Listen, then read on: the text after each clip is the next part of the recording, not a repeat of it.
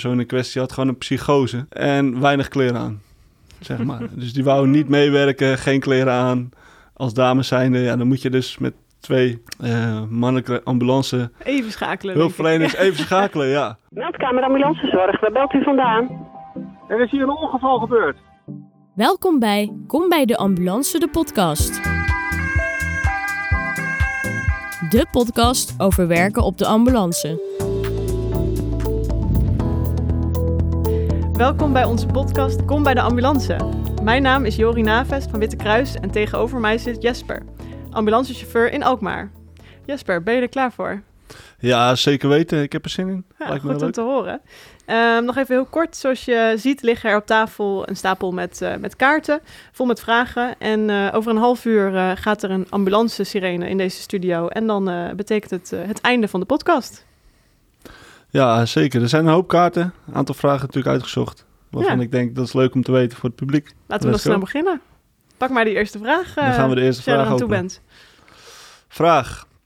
Wanneer rij je met sirene en wanneer niet? Zijn er ook twijfelgevallen? Eh, ja, het is natuurlijk de regel dat je als je een A1-rit hebt, dat betekent een spoedrit, eh rij je met sirene en met je lichten aan. Eh, vaak is het zo dat ik s'nachts de sirene niet aanzet. Eh, want het geeft ook een hoop overlast en soms werkt het wel eens averechts. Zeker in woonwijken, als je dan dicht bij het eh, ongeval bent, win je er geen tijd meer mee. En trekt het wel heel veel bekijks. En soms geeft dat ook gevaarlijke situaties. En dat wil je juist niet. Ah, interessant. Dus dat je het soms juist niet doet om... eh, nou ja, uiteindelijk is veiligheid natuurlijk het allerbelangrijkste. Ja, Eh, dus dan maak je heel bewust die keuze om het dan niet te doen.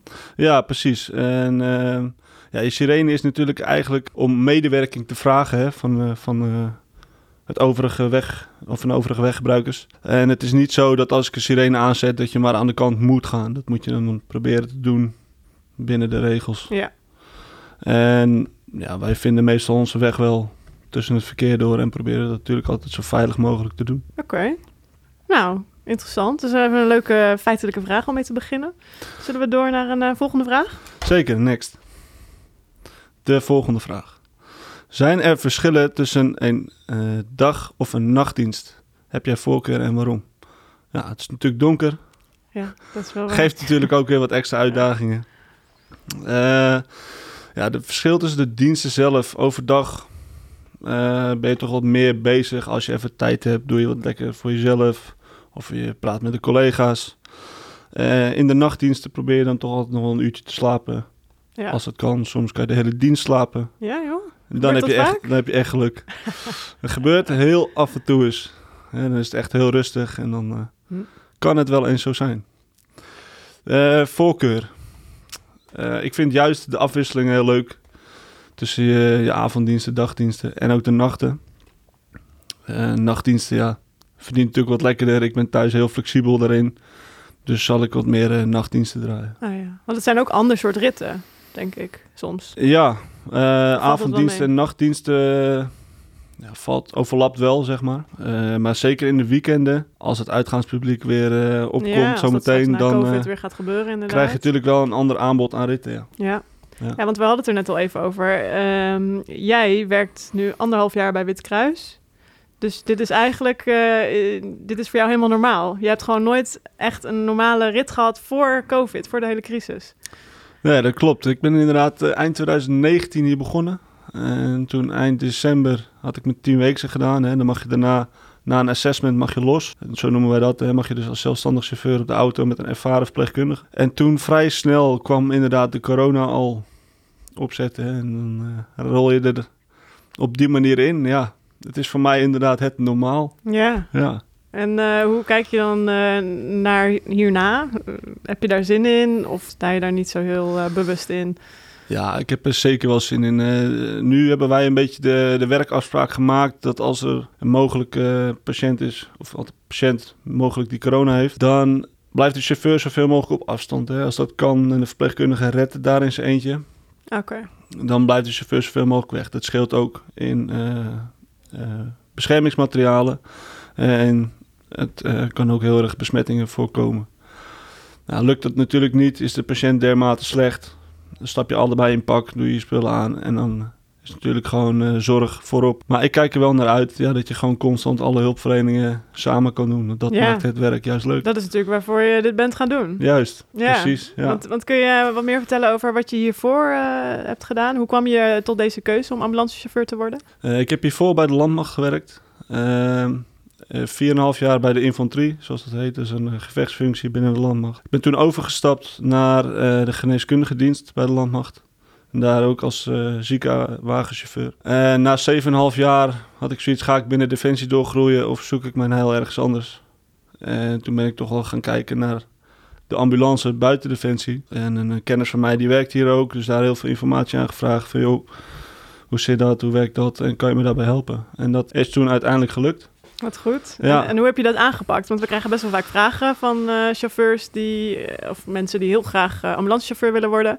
Ehm, en ja, hoe, hoe zorg je ervoor dat je boven het maaiveld uitsteekt? Nou, natuurlijk bij Defensie heb ik al een aantal opleidingen genoten, hè, omdat ik daar ook al ambulancechauffeur was.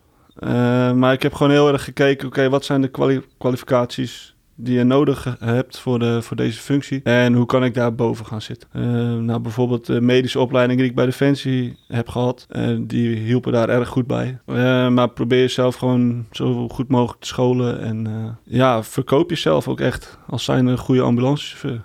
Heb je daar nog tips voor? Ja, vooral informatie zoeken en vragen. Bel naar de post, eh, zoek contact.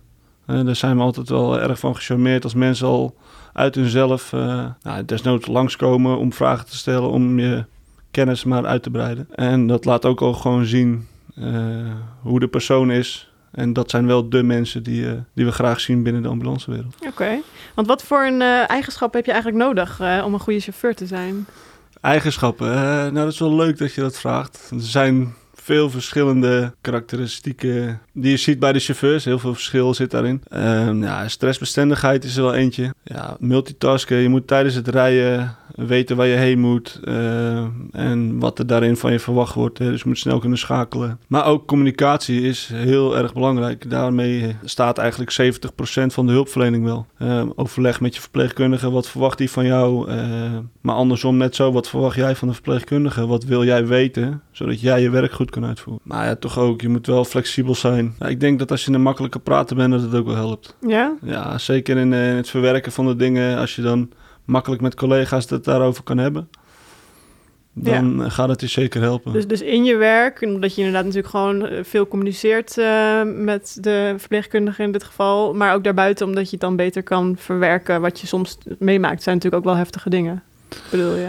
Ja, ook dat. Eh, maar als er dingen niet zijn, joh, vraag altijd om hulp. Mhm. Want eh, ja, mij is altijd geleerd, er is maar één domme vraag. En dat is de vraag die niet gesteld wordt. Ja, mooi. En ehm, wat ik merk binnen dit team bij Witte Kruis is dat iedereen bereid is om je te helpen. Maar dan moet je het wel vragen. Het moet wel vanuit jou komen. En dan, eh, ja, dan wil iedereen wel opstaan om je dingen te leren. Ja, nou, klinkt goed. Goed om te horen inderdaad wat meer over wat je, hoe je eigenlijk moet zijn als, eh, om een goede ambulancechauffeur te zijn. Ja. Zullen we nog weer een vraag pakken? We pakken de volgende vraag, zeker. Hoe ga je om met lastige omstanders? Heb je een voorbeeld?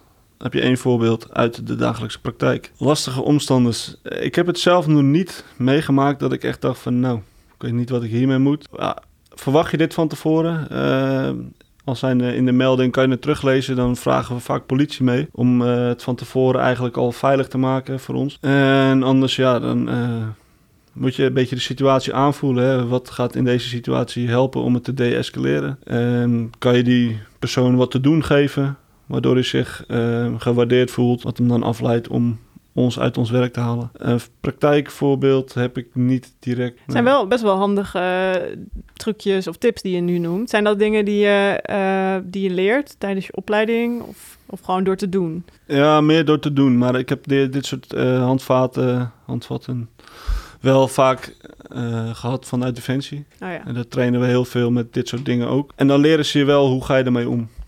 Maar we hebben natuurlijk ook gewoon wel eens lastige patiënten. Hè, Hoe ga je daarmee om? Ja, Nou goed, een lastige patiënt of lastige omstander. Ik denk als je het een beetje hetzelfde bekijkt en je zorgt dat je ze goed benadert, dan kom je al een heel eind. Heb je daar een, eh, een, een voorbeeld van dat je bijgebleven is van een lastige patiënt? Een lastige patiënt, ja, die heb ik wel. Ja? Ja, dat eh nou, is een tijdje terug. was met een collega op pad. En eh, we werden in eerste instantie gevraagd voor iemand met een eh, laag bloedsuiker, een hypo, heet dat. En dan kan je wel eens raar gedrag vertonen.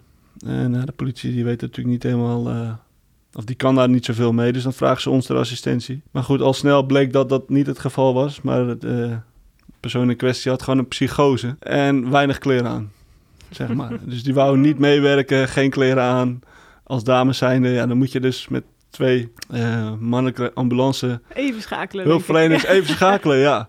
Ja, en het grappige was dat eh, de collega waar ik mee werkte, die zei al gauw van... eh, hey, ga jij maar, dit is jouw pakje aan. Hier hou ik mijn handen van thuis. Eh, dus ja, dat is dan wel een komische voorval met een lastige Ja. patiënt. Ja, zo Ja. maak je eens wat mee. Dat je dan Ja. thuis komt en dat je dan zegt... Hé, hey, wat ik nou eh, vandaag eh, had. Ja, zeker. ja, bijzonder. En, eh, en andere, andere voorbeelden die je bijgebleven zijn? De afgelopen... Eh, van lastige jaar? patiënten of gewoon in het ja, of überhaupt. Gewoon mooie voorbeelden. Ja, dat was toen, eh, de- toen ik begon. En dat was een leuke, nou ja, een leuke hulpverlening. Eh, De, de vrouw had, zat er in principe goed bij en was gevallen.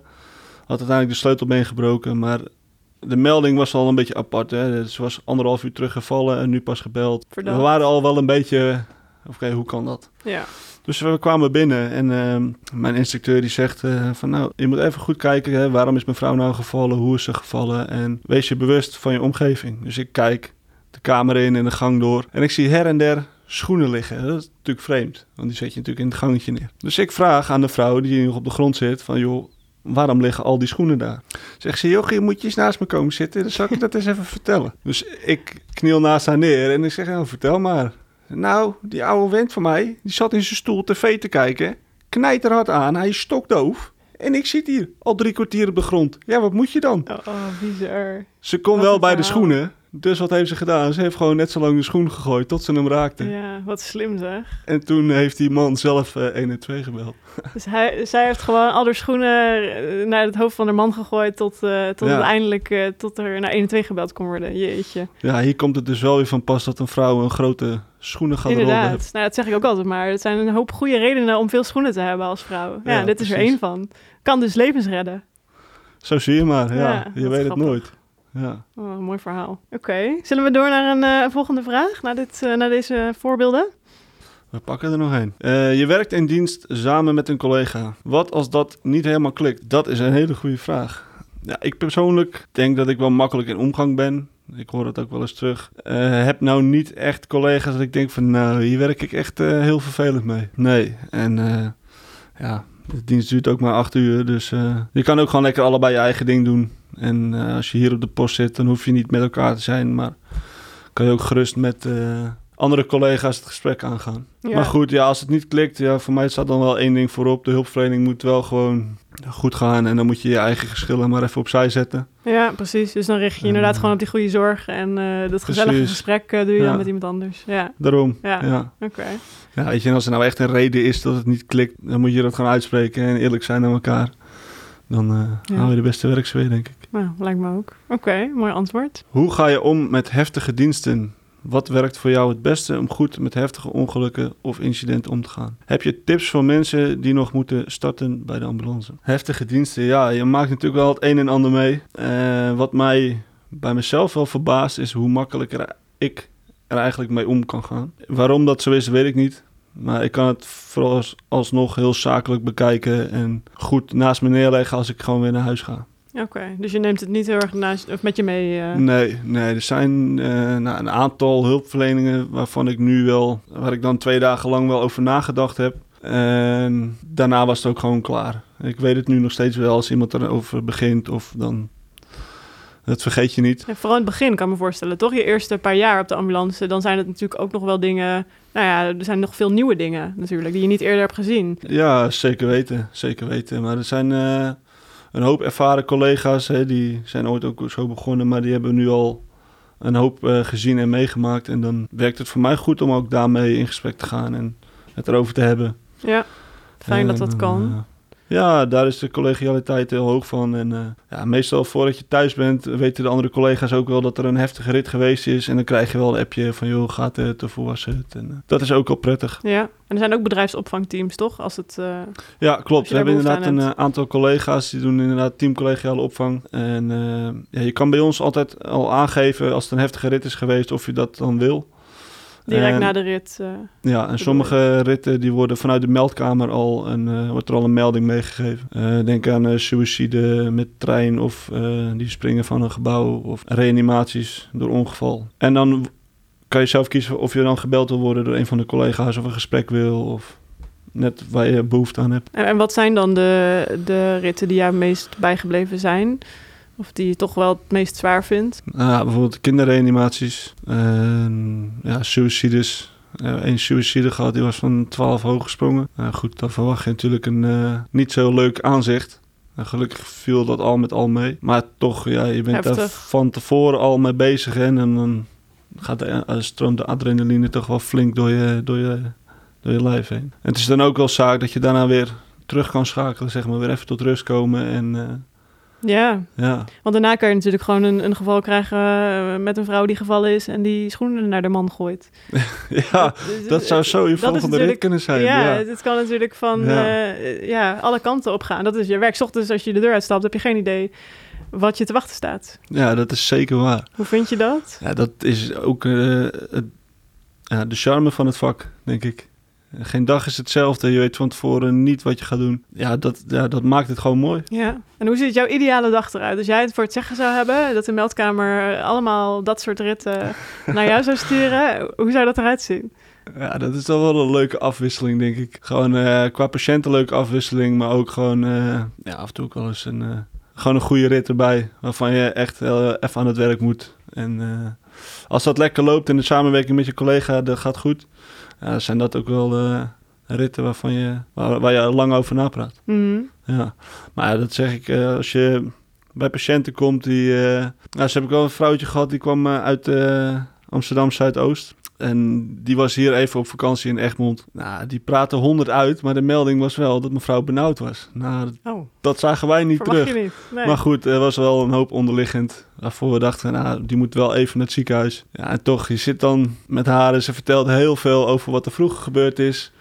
En echt op dat Amsterdamse en een geintje. En eh, nou, dan, ja, dan lach ik altijd. eh. dat zijn ook de leuke ritten, weet je. Dat geeft ontspanning en dan loop je ook wel te geinen met je collega's samen. En eh, nou, ze had vroeger dus gezongen in een karaokebar. Dus ze noemden er altijd Tante Leen. Dus had ik in de ambulance zelf eh, die muziek opgezet van Ah, Tante Leen. Weet je, van ook, oh, ja. Johnny. Ja, dat Oh, vond ze helemaal hilarisch. geweldig. Dus Dus die bijna gewoon een feestje gebouwd in de ja, ambulance precies. daar. Weet je, als het kan met de patiënt, dan, eh, Ja. ja, dan wil ik ze altijd graag met een glimlach het ziekenhuis inbrengen. ja, wat mooi. Ja. Mooie missie. Ja. Ja, het is al meestal niet de leukste dag als wij, eh, wij komen. nee, dus dan dat is ook zo. Nee. proberen we het altijd wel wat... Het eh, liefst eh, wil je natuurlijk eigenlijk jou niet tegenkomen als je aan het werk bent. Daar komt het wel op neer. precies, ja. Niks persoonlijks, maar eh, liever niet.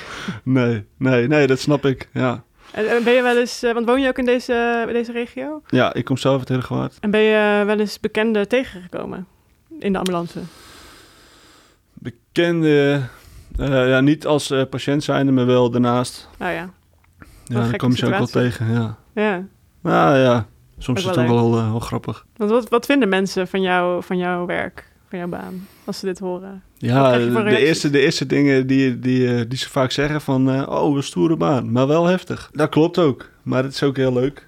En zeker als je met collega's goed overweg kan... dan maak je er vaak een hele leuke dag van. En ja, je kan ook gewoon het verschil maken op zo'n dag voor, voor de patiënten. En dat geeft heel veel voldoening. Dus, althans, ik ga vaak met een voldaan gevoel weer naar huis. Wat moet ik als burger doen als ik zie dat er een ambulance achter mij aankomt rijden? Dat is wel een hele leuke vraag. Want wij als chauffeurs eh, kunnen ons eh, behoorlijk irriteren aan mensen die plotseling remmen. En dat is voor ons dat heel erg de snelheid eruit. Als je gewoon blijft rijden, de normale snelheid aanhoudt, dan vinden wij vanzelf een keer een weg om, om je heen te gaan.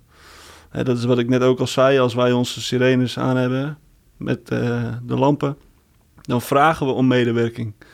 Het is niet dat je aan de kant moet. Zorg er dan gewoon voor dat je binnen de regels van de ja, plek maakt. Eh, een uitvoegstrook of eh, desnoods een, een pechvak. Maar probeer dan gewoon zoveel mogelijk de doorstroming van het verkeer eh, te behouden. Dat Ja. helpt ons ook het meest. En heb je wel eens daar eh, eh, dingen meegemaakt waarvan je zegt... nou, wat is dit toch weer? Wat doet diegene? Ja, Misschien dat was ik is, het wel, eh, maar... eh, Ja, dat had wel gekund. Ja. Nee, je ziet wel eens dat een reis in hagelnieuwe auto's, zo'n eh, mooie Jaguar I-Pace. En dan sta je voor een stoplicht met een behoorlijke stoeprand aan de linkerkant. En dan denken sommigen gewoon, ja, weet je, ik jas hem die stoep op. En dan zit ik, oeh, je auto man, doe oh, niet, doe gewoon niet. pijn. Ja. Ik heb rechts genoeg ruimte, weet je wel. Oh. Maar Ja. ook wel eens eh, ja, een inschattingsfoutje gemaakt dat je denkt, ik heb rechts nog genoeg ruimte. Hè, en dan tik je zo net de spiegel eraf. Oh, ja. Ja. gebeurt ook ja, wel eens. kan gebeuren. Ja, het liefst Ja. niet, maar... eh, Nee, nee. Maar ja, goed, dat eh, ja, moet je dan Risico gewoon even goed oplossen. Ja, ja, ja, dat gebeurt ook nog wel eens. is ook zo. Ja. Nou, zullen we nog even kijken of er iets tussen zit? Next. Ik ben zelf ook nog wel heel erg benieuwd naar, naar jouw opleiding. Maar misschien is dit toevallig een vraag die daarover Ja. gaat. Omdat je natuurlijk... En hoeveel ritten heb je ongeveer op een dag? Nou, dat verschilt zo enorm. Soms heb je geen ritten, soms heb je acht ritten. En daartussenin, eh, gemiddeld is het drie à vier wel wat het meest voorkomt. Ehm, ja, en wat voor ritten dat zijn, dat weet je ook niet. Soms heb je echt eh, de hele dag dat je eh 1 en 2 meldingen rijdt. Eh, soms heb je er een dag ertussen zitten dat je bestelde vervoertjes rijdt. dus van ziekenhuis naar ziekenhuis. Of je brengt mensen naar een hospice. Of noem het maar op, dat weet je niet van tevoren. En hoe is die verhouding eh, tussen dat soort ritten? De spoedritten en de besteld vervoerritten? Over het algemeen vrij aardig. Ehm, er zit best wel veel variatie in de ritten. Soms is het eh een A1-rit, dus echt spoed. Eh, soms A2. Ja, dan moet je er dus binnen een half uur zijn. Dan valt het, althans dan is de patiënt dus niet zo slecht. En soms de B-ritten. En ja, de ene dag rij je echt alleen maar B-ritten. Ehm, omdat het wat rustiger is. En soms dan eh, stromen er 1 en 2 meldingen binnen en eh, ben je alleen maar daarop aan het rijden. Een pijl op te trekken dus. Nee, nee. Nou, je kan soms aan eve- evenementen in de, in de omgeving wel eens Oh ja. merken van... oké, qua dat soort eh, hulpverleningen zal het misschien wel drukker worden. Maar verder is... nee. Oké. Hey, en, en toch dan nog even over jouw opleiding. Want eh, dit is natuurlijk eh, mijn kans. Ik weet dat, heel veel, eh, dat er heel veel luisteraars heel graag ambulancechauffeur willen worden. Ik zei het al even. En jij hebt nu net anderhalf jaar geleden, nou iets langer, je opleiding achter de rug. Ja. Hoe heb je die ervaren? De opleiding, ja, je begint hier... als je wordt aangenomen, dan ehm, krijg je hier tien weekse. En dan rij je dus met een van de instructeur-chauffeurs mee. Als derde op een auto. Ehm, zij maken je helemaal wegwijs in eh, wat de gebruikers zijn en de werkafspraken zijn in deze regio. Eh, hoe het werkt in de ziekenhuizen. Eh, maar ook zoiets als een, het aanvragen van een brug. Ja, ik wist helemaal niet dat het kon, dat wij dat deden. Maar je kan dus via de portofoon naar de meldkamer vragen van... joh, ik wil dat je de leegwaterbrug naar beneden houdt, want ik kom eraan met een Oh, wat spoedrit. handig, dat wist ik helemaal niet. Ja, dus dan belt de meldkamer dus naar de brug, hè, naar de, degene die de bruggen bedient. Ja. En die geeft dan aan, oké, de leegwaterbrug is wel beschikbaar of niet beschikbaar. En nou ja, als die niet beschikbaar is, dan moet je dus je route aanpassen. Of uh, geef aan, is wel beschikbaar. En dan blijft hij dus naar beneden totdat wij er overheen zijn. Ah, en dat soort dingen leer je dan natuurlijk allemaal die eerste Precies, weken. ja. ja. En, eh, maar goed, ook hoe werk je samen met je verpleegkundige? Eh, waar let je op? Uh, wat zijn handige dingen om alvast klaar te zetten? Bijvoorbeeld je werkplekmanagement is een belangrijk ding. Hou het netjes, zorg dat je spullen bij elkaar zijn en, uh, en werk gestructureerd, hè, dus volgens de protocollen. En dan als je tien weken hebt gehad, krijg je een assessment. Uh, als je dat assessment haalt, dan uh, beoordelen ze jou van oké joh, we vinden jou goed genoeg om nu zelfstandig op de ambulance te rijden. En dan moet je er wel voor zorgen dat als je je dienst hebt, dat je wel met een ervaren verpleegkundige rijdt. Dus iemand die al zeker een jaar klaar is met de opleiding. En uitzendkrachten is meestal ook niet uh, raadzaam om te doen. Dus dat zijn even dingen waar je op moet letten. Uh, en dan begin je eigenlijk de opleiding. Ik heb mijn opleiding gedaan toen nog bij ACM. En dat was dan een opleider binnen Witte Kruis. Uh, maar je hebt ook de Academie voor Ambulancezorg. En daar gaan de verpleegkundigen meestal heen. Die opleiding, ja, het was een, althans vond ik een erg goede opleiding. Uh, we werden heel erg uh, opgeleid om zelfstandig goed ons werk te doen. Hè? Dus om uh, assertief te zijn in de hulpverleningen en heel veel informatie halen bij verpleegkundigen. welk protocol gaan we in? Eh, wat zie jij? Eh, hoe is de patiënt? Eh, moet ik even doorwerken of hebben we even tijd? Ehm, en er wordt vooral gefocust gewoon op de communicatie. Hè? Zoals ik net aangaf, als je communicatie goed loopt, heb je 70% van de hulpverlening wel eh, redelijk in de hand. En dat noemen we dan CRM. Probeer daarin ook je closed loop communicatie. Hè? Dus dan als ik wat zeg, dat de verpleegkundige dus herhaalt wat ik heb gezegd. Want dan weet ik ook dat hij het gehoord heeft. Ah, en dat is CRM, dat is gewoon een ezelsbruggetje om... eh, Ja, ja CRM zijn een aantal punten. Maar goed, dat leer je allemaal in de opleiding dan. eh, waar dat voor staat. En dat helpt je dus in de, in de communicatie bij hulpverleningen. Ja. En hoe lang duurt die opleiding? Eh, nee, goed, eerst de tien weken en daarna dus eh, zes maanden de externe opleiding, zeg maar. En dat is dan om de twee weken ga je twee dagen naar eh, Houten toe. Was dat? En krijg je daar dus twee dagen lang scholing met eh, nog eh, zes andere chauffeurs. En ondertussen rij je natuurlijk gewoon al op de auto. Ja. Ondertussen doe je gewoon je diensten hier. En van alle diensten die je doet tot aan je diplomering maak je zeg maar verslagen. En dat doe je dan in EVA. Dan hou je gewoon een dagverslag bij van oké, wat voor rit heb ik gedaan? Waar ben ik tegen aangelopen? Wat ging goed? En jouw instructeur, jouw mentor eigenlijk, eh, die leest dat ook mee. En kan jou daarin dus eh, erg goed begeleiden. hè. Van joh, eh, ik zie dat dit in jouw verslag terugkwam. Hoe kan dat? Of hey, wat goed dat je dit al oppakt. En zo heb je ook een hele fijne samenwerking met je mentor. En ziet hij heel goed waar jij in je, staat in je leerlijn. En is dat die hele periode dezelfde persoon? Ja, ja, ik heb de hele periode dezelfde mentor gehad. Ja. En dan? Daarna dan, eh, dan is het in één keer je eerste eh, echte dag dat je het helemaal zelf... Dan heb je je opleiding gehaald. Ja, de, eerste, de eerste dienst nadat je opleiding hebt gehaald, dat is echt een feest. Ja. Want eh, ja, je bent natuurlijk zes maanden lang al die ritten aan het verslaan, reflectieverslagen maken en doen. En de eerste dienst dat het dus niet meer hoeft, ja, dan heb je je rit gedaan en dan is je hulpverlening klaar. Oh, dat was hem al. Oh, wat een, ja, wat een gaat goede de sirene. timing. Ik ga hem even stoppen. de timer. Ja, jij bent hem gewend. Ik schrik er toch weer een beetje van. Die sirene.